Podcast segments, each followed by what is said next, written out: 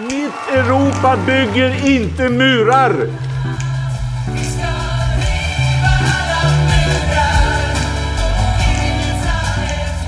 Syftet med de åtgärder som vi nu presenterar är att skapa ett andrum för svenskt flyktingmottagande. Mycket av det som regeringen sa igår ställer ju oss vi positiva till och vi tror också att en del av det kan dämpa trycket. Men vi är fortfarande oroliga för att det inte kommer att vara tillräckligt. Snälla, gör inte det här. Splittra inte familjer. Utsätt inte människor för ännu större risker.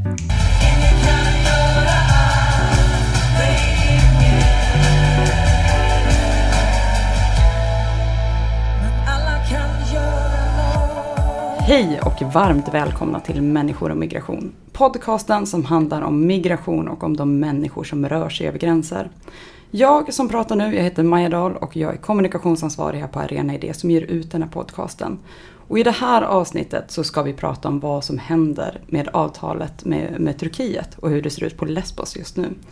Vi ska prata om vad avtalet består av, vilka som kritiserat det och varför. Och vad som händer nu med de människor som sitter på Lesbos och egentligen vill ta sig vidare till säkerhet och för att kunna fortsätta att bygga sina liv. Med mig för att reda ut allt det här har jag som vanligt asylrättsjuristen Ignacio Vita. Välkommen! Tack så mycket! Och dessutom har vi en gäst här som vi är jätteglada över att du har kunnat komma hit. Khadija Bedoui från eh, Vi gör vad vi kan. Du har precis varit på Lesbos Välkommen tillbaka hit. Tack så mycket. Vad bra att du kan vara med här i podden. Som jag sa, du har precis kommit hem. Vad, hur ser det ut där nu? Du har varit på Lesbos också under hösten. Kan du säga någonting om hur det har förändrats och hur, hur det är nu? Det har varit väldigt mycket förändringar och generellt sett så kan man säga att eh, det har varit förändringar hela tiden på just Lesbos eh, under hela hösten och fram till nu. Nu är det ju mycket mer påtagliga förändringar som har hänt de senaste veckorna. Eh, redan innan avtalet började förändringarna ske genom att man började föra över människor från Lesbos och det var likadant i de andra öarna upp till fastlandet. Eh, och nu så ja, blev det väldigt tydliga förändringar när man, eh, det största, det som har varit registreringslägret, eh, registreringscentret där människor har varit tvungna att ta sig till för att bli registrerade sen, tidigare fanns det två, men sedan november skulle jag tro så har det funnits ett. Det har ju mm. omvandlats till ett fängelseläger sedan den 20 mars. Och innan så tömde man det.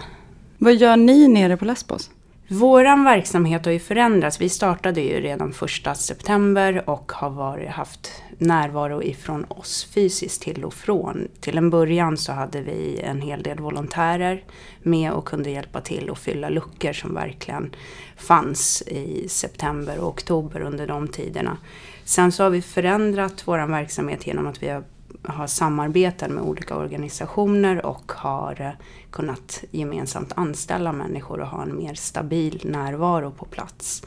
Eh, och då är det allt från läkarteam, tolkar framför allt. Och så har vi ja, inte så mycket fysisk närvaro på det sättet men mycket via samarbeten. Mm. Och vi gör vad vi kan, det är alltså som en, som en organisation som poppade upp i höstas? Ja, mm. vi startade just första september som en Facebookgrupp och växte ganska rejält omgående. Eh, inom två veckor så hade vi hunnit samla ihop eh, otroliga mängder med förnödenheter för att sk kunna skicka ner och eh, väldigt mycket pengar också. Eh, som vi har kunnat använda både genom att dela ut saker. Vi har ja, både läkare, volontärer eh, som vi har haft. Hur många är ni som är liksom med och åker ner? Och liksom, hur, hur är ni organiserade? Vi är totalt 14 personer, mm. kvinnor allihopa i vår organisation. Eh, och eh, alla har ju inte hunnit åka ner än. Vi är några stycken som spenderar ganska mycket tid på Lesbos har det ju varit främst. Den förändringen som vi nu gjort eh, senaste månaden är att vi har börjat titta ganska mycket på fastlandet och titta på vad vi kan göra där och olika andra sätt att arbeta på. Eh, men vi är 14 personer totalt och ja, har en, en styrelse som består av alla 14. Mm. Och, ja, lite speciellt. Mm. Men ni har fått liksom, ekonomiskt stöd och, och, kläder från allmänheten. Så man kan liksom, som privatperson stödja er.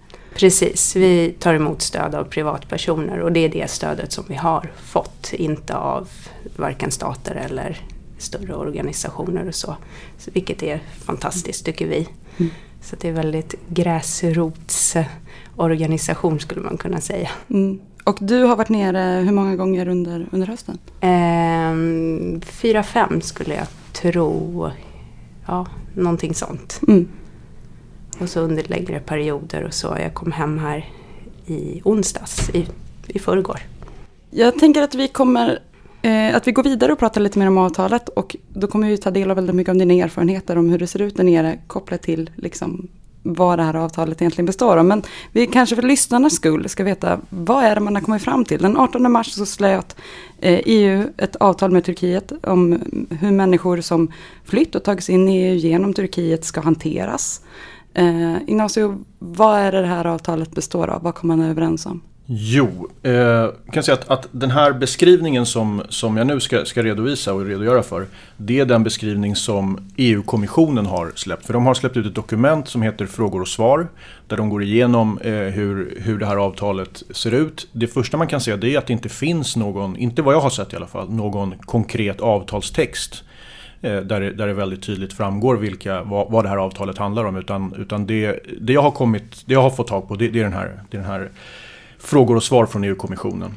Och det som framgår av det så är det så att just den 18 mars så kom alltså EU och Turkiet överens om och då är det så att de använder sig av begreppet irreguljära migranter. Eh, och det innebär alltså att människor som har så att säga, tagit sig på ett sätt som inte är lagligt eh, till, eh, till EU. Och där står det då till att börja med att man är överens om att stoppa alla irreguljära migranter som reser från Turkiet till EU via Grekland för att där söka skydd undan krig eller förföljelse. Det sägs vidare att målet med det här avtalet det är att angripa människosmugglarnas verksamhet och ta bort incitamenten för människor att välja irreguljära vägar till EU. Och det här ska då gå till Eh, på det här sättet att alla nya irreguljära migranter som kommer från Turkiet till de grekiska öarna ska då återsändas till Turkiet. Och för varje syrier som återsänds till Turkiet så ska en syrier från Turkiet få vidarebosättas i ett EU-land. Turkiet åtar sig att vidta alla nödvändiga åtgärder för att förhindra människor att ta andra vatten eller landsvägar från Turkiet till EU. Och när migrationen mellan Turkiet och EU helt har upphört eller när den har minskat väldigt mycket så ska man införa en frivillig humanitär möjlighet för människor att få komma till EU. Men det är alltså en frivillig eh, sådan. Eh, och för det här eh, så ska då turkiska medborgare helt befrias från kravet att ha visum för att kunna resa in i EU. Och det ska börja gälla i juni 2016. Eh, Turkiet kommer också att få eh, nu 3 biljoner euro för att hantera den här situationen. Och vid behov kommer man att få ytterligare 3 biljoner euro till slutet av 2018. Och dessutom så har EU, EU även eh, utfäst en, en möjlighet då för, för, Turkiet att återta eller intensifiera förhandlingarna om ett eventuellt EU-medlemskap. Mm. Så det kan man säga är, är liksom grund, beskrivningen av, av, av vad det här avtalet går ut på. Har man förklarat någonting utifrån så här, vilken, vilken rättslig grund som finns för det här avtalet? Ja, eh, man kan säga att eh, den rättsliga grunden för det här avtalet det är ju egentligen principen om ett säkert tredje land. Det vill säga att alla människor har ju när de kommer med båtarna till, till Grekland så har de ju rätt att söka asyl. Eh, och då har de också rätt att få en individuell bedömning av sin asylansökan. Men det finns enligt EU-rätten, i asylprocedurdirektivet som det heter, en möjlighet för en medlemsstat att avvisa en asylansökan. Om det är så att man kan hänvisa den asylsökande till ett land där man kan få en prövning av sin asylansökan. Ehm, och det är egentligen det som är, kan man säga, den, den, rättsliga grunden för de här överföringarna. Nämligen att, att Grekland gör bedömningen som utgångspunkt att Turkiet är ett säkert tredje land. Ehm, och att man, när man gör en, men det är viktigt att tänka, veta att, att även om Turkiet anses vara ett, ett säkert tredje land så måste Grekland alltid göra en individuell bedömning av om det är ett säkert tredjeland för just den individen som, som kommer till Grekland och, och ansöker om asyl. Men hur ser man då möjligheten till att, att det blir liksom rättssäker, rättssäkra prövningar för de här personerna? Då har EU-kommissionen sagt att alla ansökningar ska behandlas individuellt eh, och man ska ta särskild hänsyn till särskilt utsatta grupper såsom ensamkommande barn. Vidare så ska personer som har kärnfamiljsmedlemmar i andra EU-stater kunna återförenas med dem enligt reglerna i Dublinförordningen. Och alla asylsökande ska ha rätt att överklaga sina beslut. Det vill säga när man får ett beslut om att man ska överföras till Turkiet så har man, ska man då ha rätt att överklaga det beslutet. Mm. Och då kan man säga att, att, om man har överklagat ett beslut eh, om överföring till Turkiet på grund av att det är ett säkert tredje land i, i det enskilda fallet då, så, så innebär det överklagandet innebär att då får man inte överföra personen förrän överklagandet har, har så att säga handlagts och man har fattat ett beslut. Men var kom, de här personerna då som kommer till Grekland, var kommer de bo under tiden de, de prövas? EU-kommissionen säger att personer som inte söker asyl i Grekland, de kommer att frihetsberövas i väntan på en överföring. Eh, för man kan säga så här att, att om det är så att personer inte alls lämnar in en asylansökan Eh, då finns det egentligen, eh, då, är det, då kan, så att säga, då har Grekland så att säga, rätt att överföra personer till ett land där den personen inte riskerar förföljelse eller, eller eh, illa behandling. Eh, så att de som inte söker asyl, de, de ska frihetsberövas. Medan personer som har sökt asyl, de ska placeras i öppna mottagningscenter.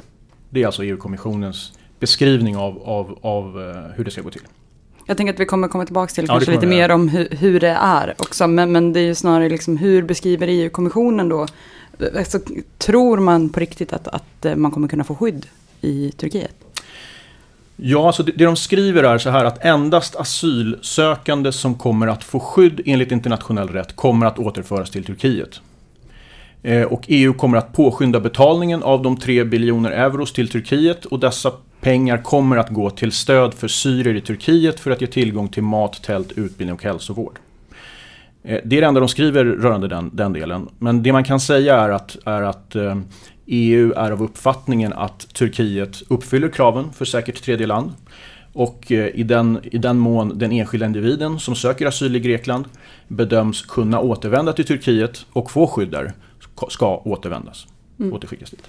Och när det gäller då om vi tittar på andra sidan från Greklands håll, så här, vad, hur kommer Grekland kunna implementera det de behöver göra för att kunna uppfylla avtalet?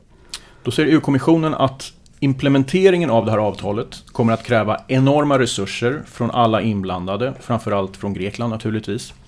EUs medlemsstater har förbundit sig att med kort varsel skicka nödvändiga resurser i form av gränspolis, asylexperter och tolkar.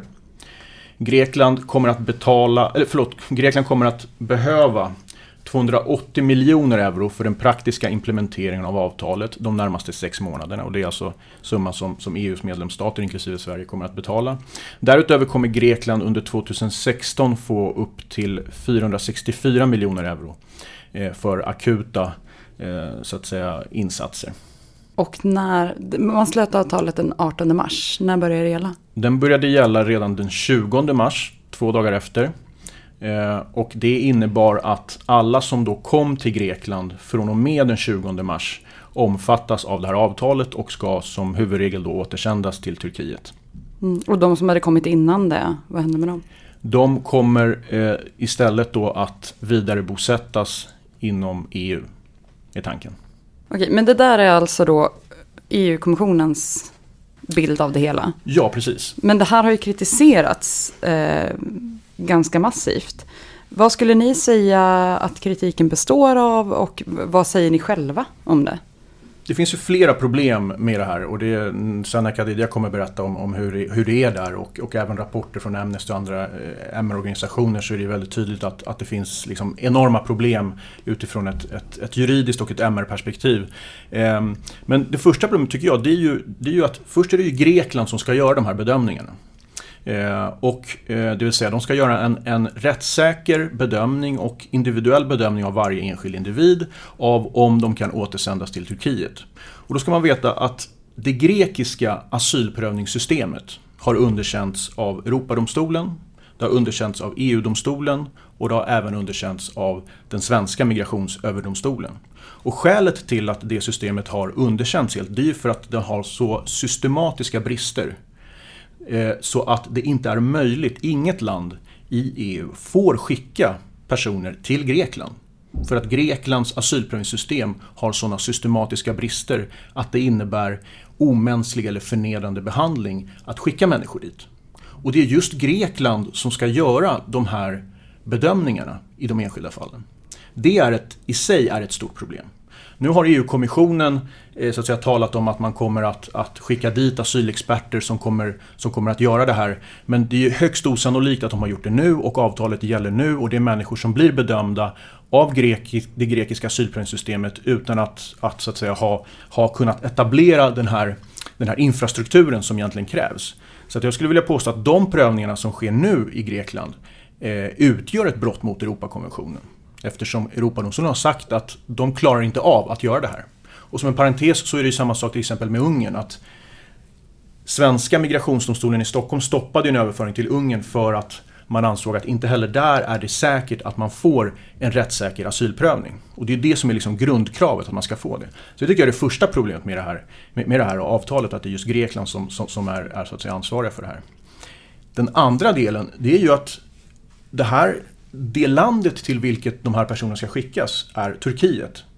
Och eh, EU har, har på något sätt bakvägen och på ett politiskt, utifrån ett politiskt perspektiv bestämt sig för att Turkiet utgör ett säkert tredje land.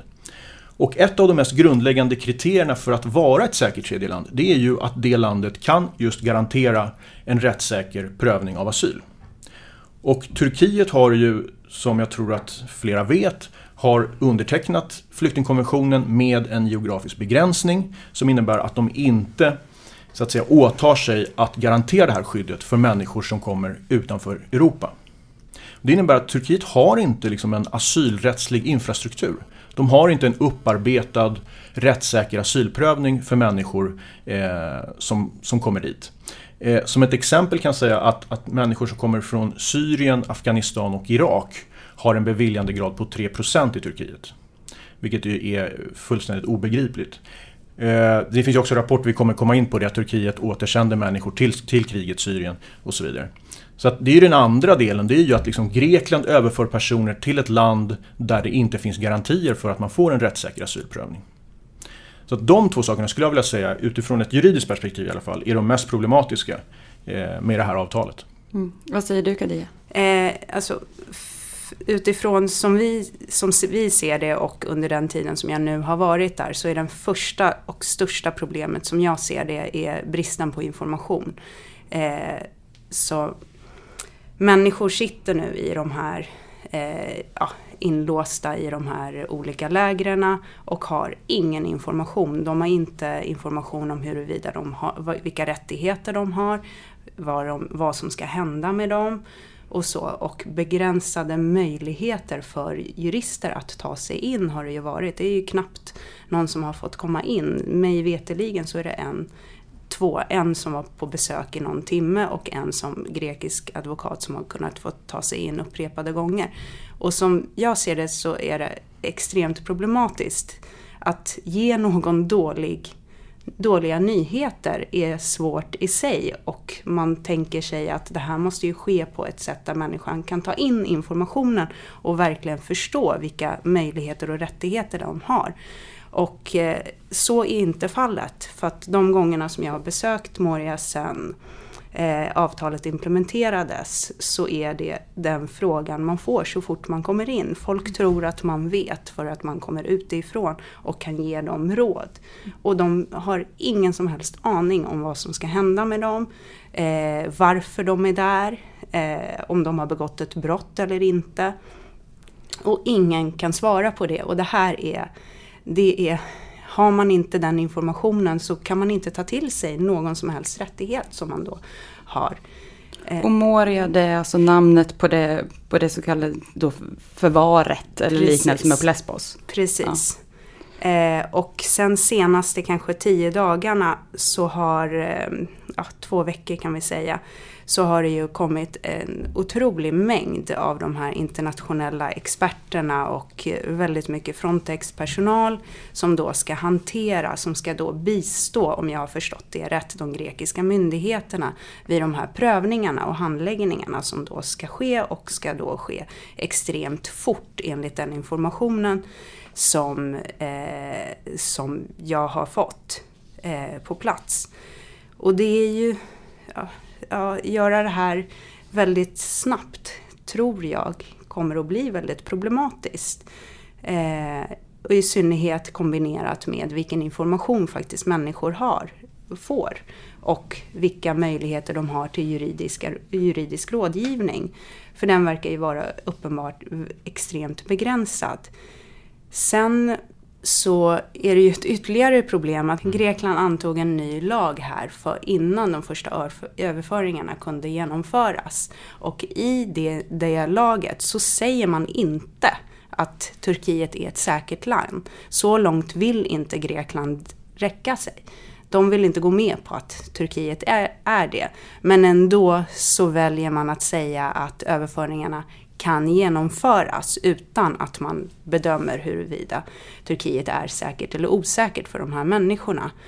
Och det är ju också problematiskt. Eh, för Amnesty skrev ju en, en rapport som kom ut igår. Mm. Där de ju har varit på Moria bland annat. Mm. Och där, där de, eh, deras liksom ganska bestämda bild av situationen just nu är ju att det, det grekiska asylprövningssystemet är liksom inte överhuvudtaget ens i närheten av att kunna garantera de mest grundläggande rättigheterna som asylsökande har. Och det de, det de bland annat nämner är att människor inte har, rätt, inte har möjlighet till tolkar, inte har möjlighet till, till advokater som du säger. De, de får registrera sin asylansökan, skriva under papper utan att veta vad det är för någonting och inte heller att få kopior. De får ingen information om vad som händer i deras asylprocess överhuvudtaget. Så att jag tror att även om det finns en ambition att skicka experter från, från medlemsstaterna för att göra den här typen av, av eh, eh bedömningar så är vi ju inte där än alls. Mm. Utan det här har ju börjat, och det, det, det, är en sak som, som eh, Amnesty kritiserar, nämligen att, att det här har satts igång alldeles, alldeles för tidigt. Långt innan man faktiskt hade en struktur, riktlinjer, hur ska man göra bedömningarna för om Turkiet är ett tredje, tre, säkert tredje land eller inte. Och det tillsammans gör ju att man nog inte kan säga att i vart fall inte just nu finns en sån liksom, rättssäker prövning som, som lever upp till de, till de krav som, som Europakonventionen ställer i alla fall. Det är ju åtminstone utifrån vad de, vad de jag, så att säga, nämner här. Jag håller ju med dem fullständigt. Det finns väldigt begränsade tolkar och det finns väl, allting är väldigt, väldigt begränsat. Med tanke på att bara inne i Moria så befinner det sig runt 2500 personer idag. Eh, och extremt få tolkar. Mm.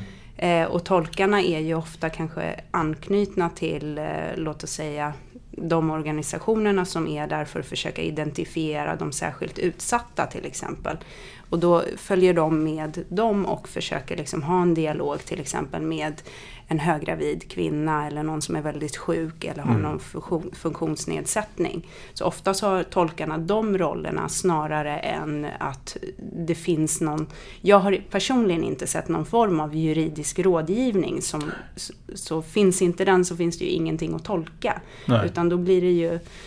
Ja. För vad jag förstått så får ju advokater inte ens tillträde till Eh, inte i särskilt stor utsträckning i alla fall, till, till de här center, de här förvaren där människor hålls frihetsberövade. Ja, mig veteligen så är det en person som fick det i någon timme och eh, en grekisk eh, lokal advokat som har tillträde. Men jag har inte, jag har inte hört talas om någon annan advokat som ska ha fått tillträde Men därefter. Har, har du hört talas om advokater som nekas tillträde?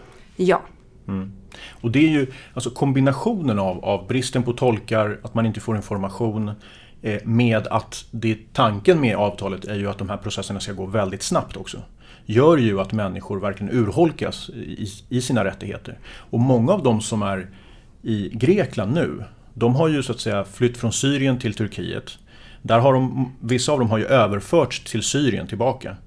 Och Amnesty berättar om en, en familj som har försökt ta sig tillbaka till Syrien och blivit beskjutna av, av gränspolisen. Och nu är de i, i Grekland och ska få den här väldigt snabba bedömningen eh, och utan egentligen tolk eller, eller liksom de resurser som finns. Mm.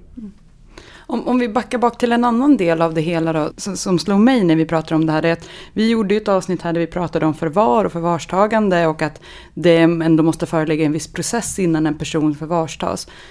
Hur, eh, hur ser det ut med de förvaren eh, på Lesbos och Moria? Görs det någon som helst prövning? Har, har personerna som sätts i förvar där någon möjlighet att överklaga att de faktiskt frihetsberövas? Det tror jag faktiskt inte. Alltså, som det går till idag så är det att eh, Kustbevakningen, Frontex och även NATO då, eh, stoppar båtarna när de kommer ut på internationellt vatten eller på grekiskt. Även är de i, grek, eller i turkiskt vatten så tar, för de tillbaka dem till Turkiet. Men allt därefter blir då till Grekland och då för man dem direkt till en stängd del av hamnen där de placeras i bussar och från bussarna in direkt till eh, förvar. Eh, vad jag vet så är det inte någon information mer än så eller någon möjlighet att överklaga eller någon som helst möjlighet. Det är bara att följa med. Man är i förvar helt enkelt från första sekunden. Mm. Och där kan man, ju, där kan man säga att, att EU-kommissionens bild av det hela det är ju att alla som söker asyl ska inte frihetsberövas utan de ska hållas i, i öppna, öppna så att säga, faciliteter medan de som inte söker asyl eller de som har fått eh, beslut om överföringar att de ska eh, så att säga, frihetsberövas. Eh, den bilden verkar inte riktigt stämma överens och i den här Amnesty-rapporten som kom igår om jag inte misstolkar dem så, så, så menar de att eh, i vart fall i Lesbos så har, så har så att säga, man övergått mer och mer till stängda förvar. Det vill säga människor har frihetsberövats. Och de intervjuade ett stort antal av de människor som var där och endast två personer hade fått ett formellt beslut på förvar. Och det är ytterligare ett problem med hela det här avtalet och den här massiva liksom, frihetsberövandet som sker. Och det är ju att det är ju automatiska frihetsberövanden. Där man just inte gör en individuell bedömning av varför måste man frihetsberöva? Är det proportionerligt att frihetsberövas? Och har man möjlighet, man saknar då möjlighet att överklaga själva frihetsberövandet. Och det de också beskriver det är ju vilka personer som är frihetsberövade. Det är ju sjuka människor det är väldigt små barn som har alltså allvarliga skador på grund av, av bomber och, och, andra attacker i Syrien till exempel. Det är människor som har olika typer av funktionshinder och som är i behov av akut läkarvård och inte får det. Så att de här människorna har alltså frihetsberövats helt utan möjlighet att varken få ett formellt beslut om frihetsberövandet och därför heller inte kan, kan så att säga utmana det rent juridiskt. Och det är ju liksom allvarliga kränkningar av mänskliga rättigheter. Som vi talar om. Och, det, och jag kan ju säga att ungefär 40 procent av människor som har tagit, alltså kommit till Lesbos den senaste tiden är just barn. Och det, man ser ju det hela tiden när man är där inne. Man ser rullstolar, man ser barn med brännskador, man mm. ser liksom alla möjliga människor som är i de här situationerna. Och eftersom att nu är det fler människor än vad lägret egentligen har kapacitet för. Och då menas med kapacitet så menar de sovplatser. Så att människor sover ju ute på, eh, på de här vägarna eller vad man ska kalla dem för på filtar eller kartonger och så. Och det gäller ju även de alltså särskilt, som är särskilt skyddsbehövande. Mm. Bara en, en, en intressant liksom, detalj, i, i Moria i, där så finns det alltså tre stycken läkare. Och det är 3150 personer som sitter där enligt Amnestys rapport. Du nickar på huvudet, stämmer det inte? Eh, jag, jag eh, eftersom min organisation har ett mm. samarbete tillsammans med en av de få organisationer som är kvar inne på Moria, som är då Läkare i världen. Eh, det finns fler än så okay. läkare på plats på dagen, mm. ska jag säga. Mm. På natten så är det mycket, mycket färre kapacitet. Det är inte många som är där och då, den siffran kan nog stämma på kväll eller just nattetid, sen kväll och natt. Men nu är vi inne på att prata lite grann om, om hur det ser ut med hjälp och stöd på plats. Och eh, en sån sak är ju att till exempel att FNs flyktingkommissariat har stoppat hjälpen till lägren. Och det är andra organisationer som också har dragit sig tillbaka sen mm. efter avtalet slöts. Eh, vad har det här fått för konsekvenser på plats och vad, vad är ändå ert beslut att vara kvar när andra backar? Eh, nu ska, nu ska jag säga, börja med att säga att vi har inte tagit ett formellt beslut om vi ska vara kvar eller inte. Utan vår samarbetspartner har eh, inte heller faktiskt tagit ett beslut. Men ju, för nu så är de där. Men till en början, det som hände den 20 var att just UNHCR valde att på grund av de riktlinjer och direktiv som organisationen har så kan inte de verka och medverka med och på något sätt bidra till att människor faktiskt placeras i förvar. Så därför så backade de. Men det som hände den 20 var faktiskt att alla andra organisationer blev utslängda från Moria. Och då är det en situation som har varit väldigt välfungerande senaste månaderna där det har varit väldigt bra koordination och både etablerade organisationer och väl, eh, volontärgrupper har kunnat ha haft ett väldigt bra samarbete och kunnat liksom tillgodose stora delar av behoven. Självklart inte alla, men det har fungerat mycket bättre än någonsin senaste månaderna. Eh, så det var ju väldigt förödande den 20 när man väljer att plocka ut alla och det blir ett så kallat militärläger, militärpolisläger. Där man skulle egentligen sköta om allting. Men väldigt omgående så blev det väldigt uppenbart att det var en hel del funktioner som man inte riktigt klarade av. Till exempel, man var i stort behov av tolkar. Eh, senare ja, även läkarvård och till en början så var både Läkare utan gränser och Läkare i världen på plats. Läkare utan gränser valde att lämna, eh, lämna lägret för att de inte heller vill arbeta under de förhållandena.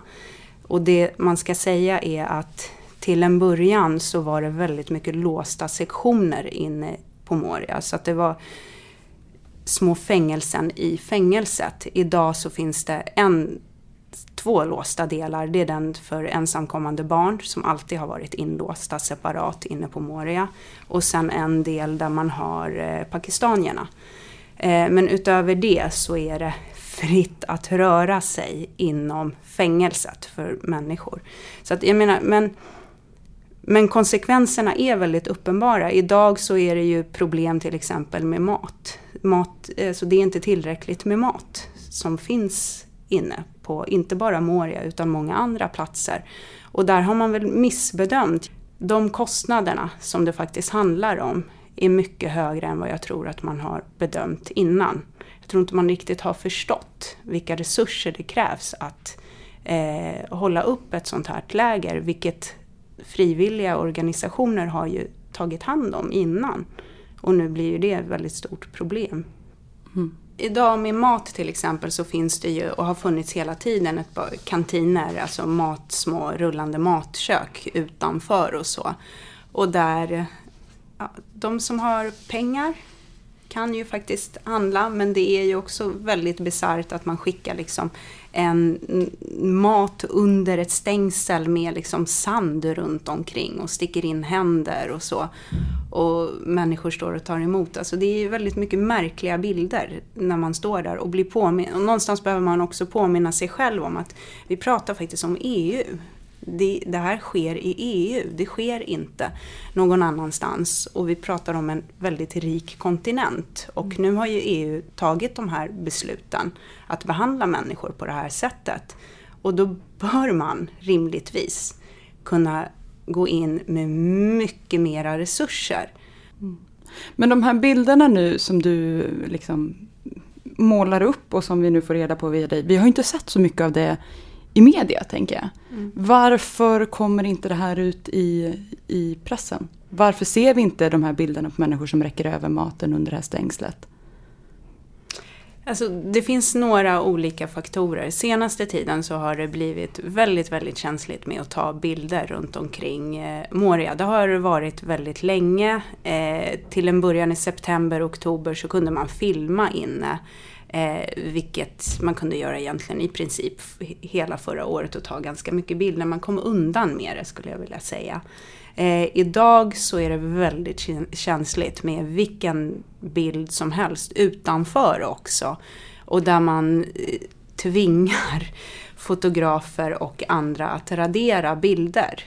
Eh, när man tar dem en, till och med utanför lägret. Och det är samma sak i hamnen när man har tidigare haft eh, eh, överföringar eller när man har flyttat människor ifrån öarna till fastlandet. För det var väldigt många som inte ville flyttas men som man hade något beslut på att öarna skulle tömmas. Och samma sak där, att man valde att gå på människor som hade tagit bilder och att försöka radera dem. Men med det sagt så ska jag också säga att alla de här bilderna finns. Eh, så att eh, det är nog en fråga man kanske ska ställa till median varför man inte har visat de bilderna. För de finns öppet. Och, ja. Mm. Det här avtalet är ju som sagt det är, det är igång. Från den 20 mars började det gälla och i måndags så skedde första liksom, förflyttningen, första gruppen människor flyttades tillbaks från Grekland till Turkiet. Du var där på plats. ja. Kan du berätta om hur det såg ut och vad som hände? Alltså, det gick väldigt lugnt till. Nu, jag var nere i hamnen så att jag vet inte vad som hände inne på Moria. Jag har inte sett det själv men de uppgifterna jag har fått ifrån människor som har arbetat där inne har sagt att det var väldigt lugnt där inne också. Eh, där för varje person så hade eh, var det en polis som eh, följde med. Eller någon från Frontex. Och eh, alla hade munskydd på sig, poliserna. Väldigt speciellt. Eh, Varför hade man det? det kan jag inte svara på. Det, inte, det var inte som så att man överförde sjuka människor utan det var ju ja, vanliga, vanliga människor som var på flykt. Så att själva bilden var ju väldigt speciell. Eh, och vid sin sida så hade alla ja, sin polis eller sin Frontex-person med sig som följde med hela vägen dit och återvände. Och det gick väldigt lugnt till. Det var en protest vid hamnen, ganska liten protest för att man hade eh, sagt att det skulle ske klockan tio men det skedde runt sex, halv sju på morgonen tror jag det var i lokal tid. Ja, vilka var det som protesterade? Några eh, lite volontärer, aktivistgrupper och några organisationer Mm. som var nere vid hamnen. Och den andra överföringen skedde idag eh, från eh, Lesbos och samma sak i Kios. Eh, men idag så har det varit lite annorlunda. Det som hände idag var att eh, några personer ramlade i eller hoppade i vattnet som skulle överföras. Eh, och jag tror att överföringen för de personerna har stoppats nu. Eh, just de som ja, hamnade i vattnet. Medan jag tror det var 45 personer som överfördes idag. Och både måndag och idag så är det fokus på människor ifrån Pakistan. Men det finns uppgifter om att även minst två syrier också har överförts till Turkiet från Grekland. Och så är det människor från eh, Sri Lanka, Bangladesh också. Så det avtalet som nu finns, då är det att de människor som är från Syrien, som förs över från Grekland till Turkiet, det ska vara motsvarande personer som förs över tillbaks väl? Eh, Så att det är inte 45 personer som, som då överfördes idag, utan det är de två syrier som då Precis. uppgifter om har överförts. Som vi ska få två syrier tillbaks från EU. Har det här skett? Vet vi någonting om det? Kommer det ske? Hur, kom, hur kommer det ske? Jo, men det har skett. Det har varit överföringar till, eh, till Tyskland och Finland hittills. Och eh, jag vet inte hur många det är. Jag tror att det var en 30-talet till, till eh, Tyskland och ett lite mindre antal till, till Finland. Eh, och sen så är det ju, jag tror att Frankrike och något annat land är, är liksom nästa land som ska börja ta emot nu. Jag tror Portugal är... Portugal, ja. Men jag är inte säker. Hur väljs de människorna ut i Turkiet? Vet ej. Jag tänkte på när du läste just, eh, när du berättade om eh, EU-kommissionens version över hur det här ska gå till. Där man säger att man skulle ombesörja just syrier på plats Mm. i Turkiet. Har man sagt någonting om de andra människorna? För att hittills så är det ju faktiskt 91% av människor som flyr nu till Europa kommer ifrån så kallade flyktingproducerande länder. Det vill säga Syrien, Irak, Afghanistan, eh, ja, bland annat. Finns det någon kommentar om det? Nej, det, det, det som står därifrån är det, det som jag läste upp Ja. tidigare. Så att jag vet inte alls. eh, Men det är väldigt tydligt ändå tycker jag att, att de summorna som Turkiet får verkar vara huvudsakligen ägnade till att, att, så att säga, eh, hantera den humanitära situationen för syrierna. Eh, men eh, något annat vet jag inte. För det, det, kan jag sakna lite i den kritiken som jag har sett. Att man någonstans glömmer bort alla andra nationaliteter. Och det är en av de rädslorna som vi har när det gäller hela det här avtalet. Att det är sån fokus på nationaliteter.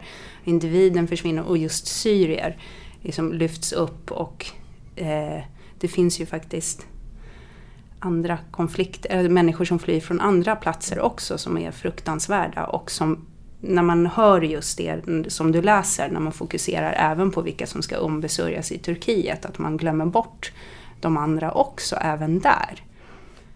Den ja, ja, visst, absolut. skulle man men alltså, ä- Jo, men även just ombesörjandet av, av, även av syrierna är egentligen mindre intressant och relevant. Alltså hela, hela poängen är ju att Turkiet inte skyddar syrierna mot att återvända till Syrien. Och det är ju ett, ett, liksom ett fullblodigt krig där. Och, och, att, och att, bara det, alltså att, att, skicka pengar för att ombesörja att de ska få vård och liksom mat och bli omhändertagna är egentligen helt, helt ointressant när Turkiet, vi vet, är ett land som återför människor till Syrien idag. Både lagligt så att säga genom att de inte beviljas asyl eller olagligt genom att det är överföringar som, som från Turkiet till Syrien som både Amnesty och andra har, har rapporterat om. Eh, det är liksom den grundläggande och mest tydliga kritik som måste riktas mot hela det här avtalet. Att, att, vi över, att vad, vad, EU gör nu det är att man överför människor till ett land som inte garanterar rätten till asyl. Och det är ju liksom en total urholkning av, av hela asylrätten på ett sätt som vi tidigare inte har sett i EU. Mm som vi nu har pratat här så kritiken har ju varit massiv mot det här avtalet. Vi har varit väldigt kritiska här också. Och vi ser att det praktiskt inte riktigt går att genomföra det heller. Eh, men faktum kvarstår ju att som vi säger det är krig på flera ställen. Folk har en anledning att fly och folk flyr. Eh, vad, vad finns det för alternativ? Vad är det vi ska göra? Vad, vad skulle ni vilja se nu framöver istället? Eh, alltså, det som vi har velat se hela tiden är ju säkra vägar. Att kunna fly på säkert sätt. Det vill man ju fortfarande se. Även om det någonstans har, så fort man nämner det så låter, känner man sig nästan som en drömmare. Att man är någon annanstans. Eh, så är ju det det är ju det som krävs. Människor ska ju egentligen inte behöva fly på det här sättet så som de har gjort. Jag menar bara i år så är det jag tror att det är 771 människor som har dött i år i Medelhavet.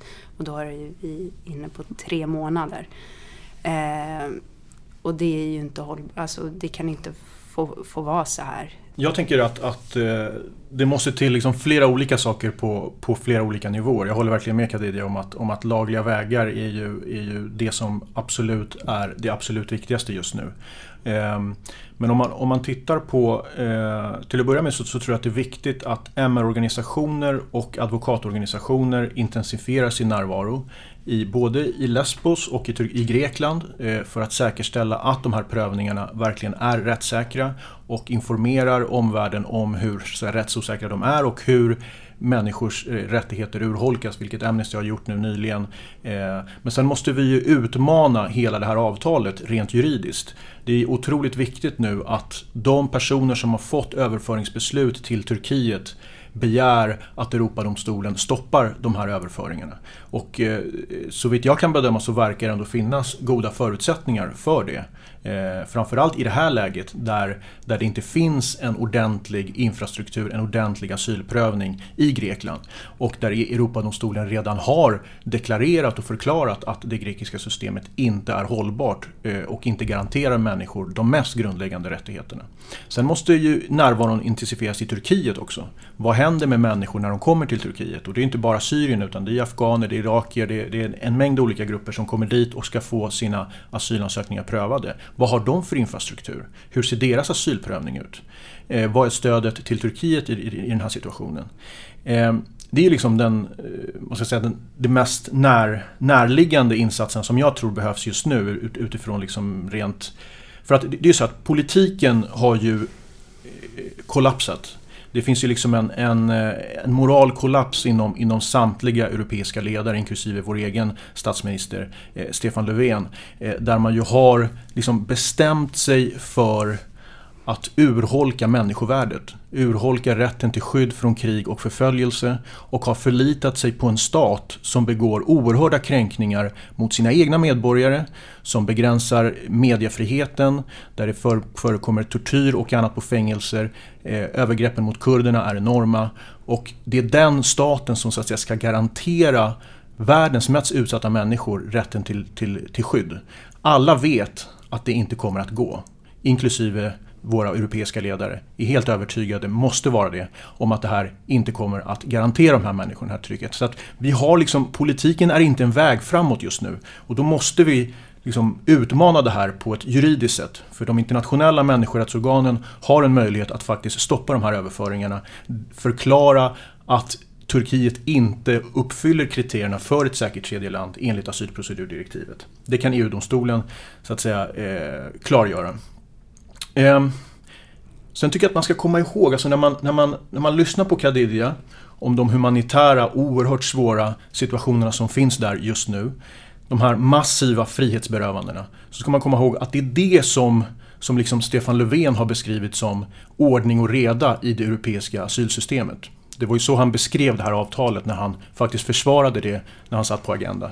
Det här är ett sätt att skapa en ordning och reda i asylmottagandet det innebär alltså enorma humanitära umbäranden. Men också att det här är ett sätt att attackera människosmugglarna har ju varit hans primära, liksom, att, att det här är det. Samtidigt så har han lämnat fram ett förslag där han stryper i princip den enda lagliga vägen till Europa, nämligen rätten till familjeåterförening. Så att det finns ett enormt politiskt hyckleri i den här frågan. Och det är ju naturligtvis någonting som vi på politisk nivå och liksom folkbildningsmässigt måste arbeta med för att tydliggöra det. Mm. Jag måste säga också att ehm, eh, en sak som jag tänker, även om vi pratar just nu om avtalet väldigt mycket så finns det ju andra problem och det är de människorna som idag sitter fast i Grekland. Idag så är det just apropå familjeåterföreningen. Jag har träffat otroligt mycket människor som har hela sin familj eh, någon annanstans i Europa och sitter helt fast. De har ingenstans att ta vägen. Och i eh, lever i fruktansvärda förhållanden. Alltså läger där det knappt finns rinnande vatten, det finns knappt några toaletter. Eh, de duscharna som finns tror jag inte det finns någon kvinna som skulle ställa sig i. Eh, på grund av den öppenheten som den placeringen är i. Eh, det finns otroligt mycket brister i hur det ser ut idag. Och Ehm, jag tror också att man måste tänka på de bitarna också så vi inte glömmer bort de andra, de här ja, ungefär 45 000 ytterligare personer som kom innan. Innan den 20, det är ungefär 50 000 personer i Grekland idag. Eh, och några tusen av dem har ju kommit då efter den 20. Den senaste båten kom igår. Idag vet jag inte om det kom en båt eller inte. Så att någonstans så kommer, det här kommer ju inte ta slut. På olika sätt så kommer människor att fortsätta komma. Folk har inte något val. Man flyr för sitt liv. Man flyr för att försöka rädda sin familj, sina barn, sina föräldrar, vad som helst. Eh, och det är ju det vi pratar om. Det är ju det allting handlar om.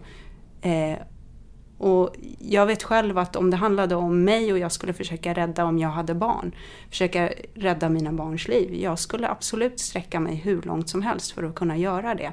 Så det kommer att fortsätta. Eh, och man behöver verkligen hitta ordentliga lösningar. Jag tänker också på det som Ignacio lyfter upp som är otroligt viktigt och det är ju just att kunna hitta vägar där människor får information och juridisk kompetens och att vi måste faktiskt ta vårt ansvar här. Att försöka bistå de här människorna på alla sätt som vi kan göra. Eh, genom att till exempel ja, föra deras talan i juridiska processer och så. Och just nu så arbetar faktiskt vi gör vad vi kan. Vi håller på och tittar på att eh, tillsammans med andra att skapa ett nätverk av eh, europeiska jurister som ska kunna samarbeta med grekiska jurister för att man ska kunna bistå på alla möjliga sätt och kan göra det härifrån också på olika sätt. Vi, vi har ju precis börjat titta på det här och eh, kommer väl att lägga ut på vår hemsida när det väl händer lite mer i det. Och det är ganska bråttom just på grund av att folk, människor överförs redan den här veckan är det några hundra. Och vad vi vet så, så de, kan de lika gärna inte ha fått någon som helst information om sina rättigheter. Och där behöver vi också titta på, eller andra kanske också behöver titta på, hur kan vi titta på det här från Turkiet?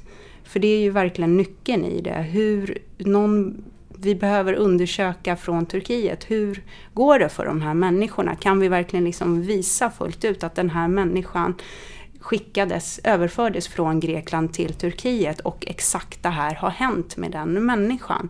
Vi behöver journalister, vi behöver organisationer, vi behöver MR, ja, varenda människa som vill och kan hjälpa till med det här.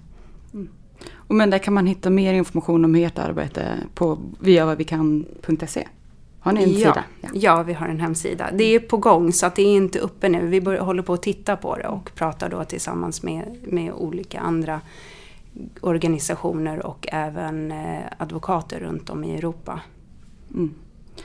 Det får bli det sista ordet som sägs här. Det är dags att avsluta dagens avsnitt. Tusen tack Khadija Bedoui för att du kom hit och för att du delar med dig av vad det är som händer där nere. Så viktigt att vi får reda på vad som händer. Har du en ny resa planerad? Eh, det vet jag inte ännu, men tack snälla för att jag fick komma. Ja, jag hoppas tack. att vi kan få anledning att bjuda in dig igen. Tack Ignacio Vita för att du var här och förklarade rättsliga för oss. Tack Maja, tack för dig. Ett nytt avsnitt av Människor och migration kommer den 19 april. Om du som lyssnar vill lyssna på något annat från Arena Idé medan du väntar på nästa avsnitt, lyssna gärna på vår syskonpodd Pengar och politik. Eller så kan ni leta upp Arena Play där ni hittar poddar. För där lägger nämligen Arena eh, ut eh, inspelningar från våra seminarier som vi har här. Så att gå in via antingen Soundcloud, iTunes eller din valfria podcastapp och leta upp dem. Har ni frågor eller kommentarer på dagens avsnitt så går det jättebra att antingen twittra det till oss på arenaidé eller skriva det på vår Facebook-sida. Sök bara på människor och migration på Facebook så hittar ni oss där. Vi har redan fått en fråga angående ändringarna i eh, regeringens migrationsförslag och vi har valt att inte prata om det idag men däremot så har Lisa Pelling varit med i Studio 1 eh, och kommenterat det där. En länk ligger på Facebook-sidan så gå in och kolla där så kan ni få lyssna på en analys av vad det egentligen är regeringen har ändrat. Det var allt för idag. Tusen tack för att du har lyssnat och vi hörs om två veckor.